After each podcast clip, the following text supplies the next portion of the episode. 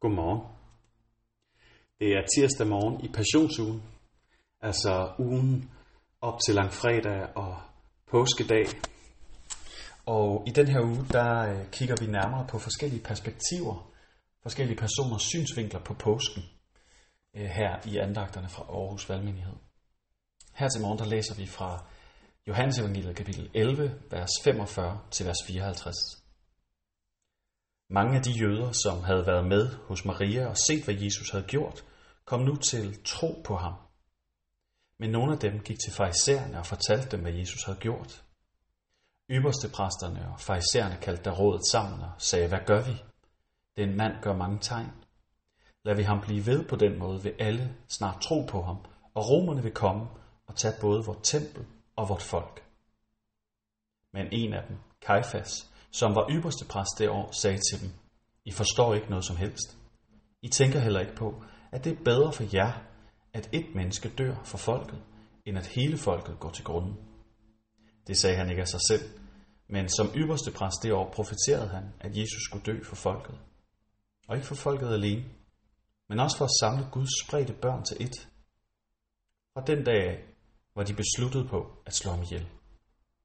Derfor færdedes Jesus heller ikke længere offentligt blandt jøderne, men gik ud på landet nær ørkenen til en by ved navn Efraim. Der blev han sammen med disciplene. Amen. I dag ser vi på påsken fra magtens perspektiv, fra det jødiske råd og særligt fra ypperste præsten Kajfas' perspektiv. Der er noget vildt paradoxalt ved den her lille sekvens. Umiddelbart inden den her samtale i rådet, der har Jesus opvagt Lazarus, hans gode ven, til live fra de døde, efter at have ligget i en grav i flere dage. Der er noget enormt mærkeligt ved, at mennesker, der hører om den begivenhed, møder Lazarus, møder mennesker, der har mødt Lazarus. Deres reaktion på, at Jesus har vagt døde celler til live, det er frygt og ikke tillid. Sådan er det med magten, ikke også? Og vi kan have det svært med magten i vores del af verden i, i forvejen. Vi tillægger allerede magten en masse mørke motiver af sig selv nærmest. Og det er måske ikke helt retfærdigt. Magt er jo dybest set bare indflydelse. Den grad af magt, du har, den bestemmer ligesom, hvor meget indflydelse du har, både i dit arbejdsliv, øh, blandt dine følgere, hvis du har sådan nogen som en offentlig person, eller, eller bare i din hverdag. Her i Vesten, der er vi enormt, enormt taknemmelige for øh, demokratiet og de mange frihedsrettigheder. Og vi reagerer ret skarpt på, hvis vi oplever, at der er nogen, der begrænser vores frihedsrettigheder, for det begrænser vores indflydelse på vores eget liv, vores magt. Og det er måske også det, der sker her hos ypperste præsterne, hos farisæerne og i hele rådet. De ser på Jesu mange tegn. De ser det, at han gør gode ting. Men det, som kunne fylde dem med tillid og trosen, som det gør for andre, hos dem, der fører det kun til frygt. De er bange for, hvad det betyder. At de kan miste indflydelse, miste magt. Og hvis vi ikke lige skal tillægge dem alle mulige negative motiver og skyde dem dårlige motiver i skoene, deres argument er jo, og deres frygt er, at hvis hele folket følger Jesus, så vil romerne komme og tage både templet og folket.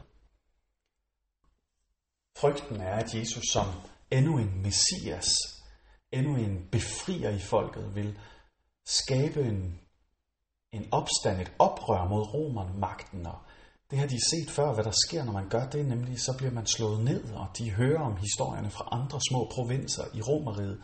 Det går aldrig godt. Så frygten er måske begrundet. Og derfor bliver de øh, pragmatiske og siger, at det er bedre, at vi slår en mand ihjel.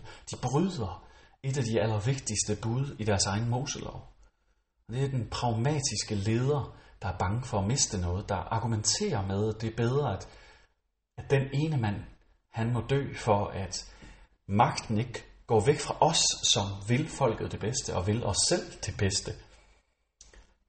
Og måske er der mere kajfas i os, end vi har lyst til at indrømme. Er vi også bange for at give Jesus magt og indflydelse? At den måske skulle give køb på noget af det, for at han kan komme med livgivende, fantastisk nærvær Ser vi på det, han kan gøre i vores liv, som noget, der skaber frygt eller tillid og tro? Har vi samme frygt som Kajfas? Her til morgen, der tror jeg, at vi må stille os selv det spørgsmål, om vi er villige til at give ham indflydelse i vores liv, eller om vi bliver bange for, hvad han vil tage fra os. Det afslører nemlig også, hvad for et gudsbillede vi lader dominere, om det dybest set er et sandt kristen gudsbillede, vi har. Lad os bede sammen. Herre, tak fordi du kom. Tak fordi du gennemgik påsken. Alle de svære situationer, at du var nødt til at gemme dig op til påske, fordi at mennesker ville slå dig ihjel. Herre, vi beder om, at du vil hjælpe os, der har en lille kajfas i maven. En frygt for at miste indflydelsen, miste magten i vores eget liv. Jeg beder om, at du vil give os en tro på, at du også for os er den gode, livgivende Gud, som ikke kommer for at tage, men for at give. Amen. Det er en rigtig skøn påskeuge.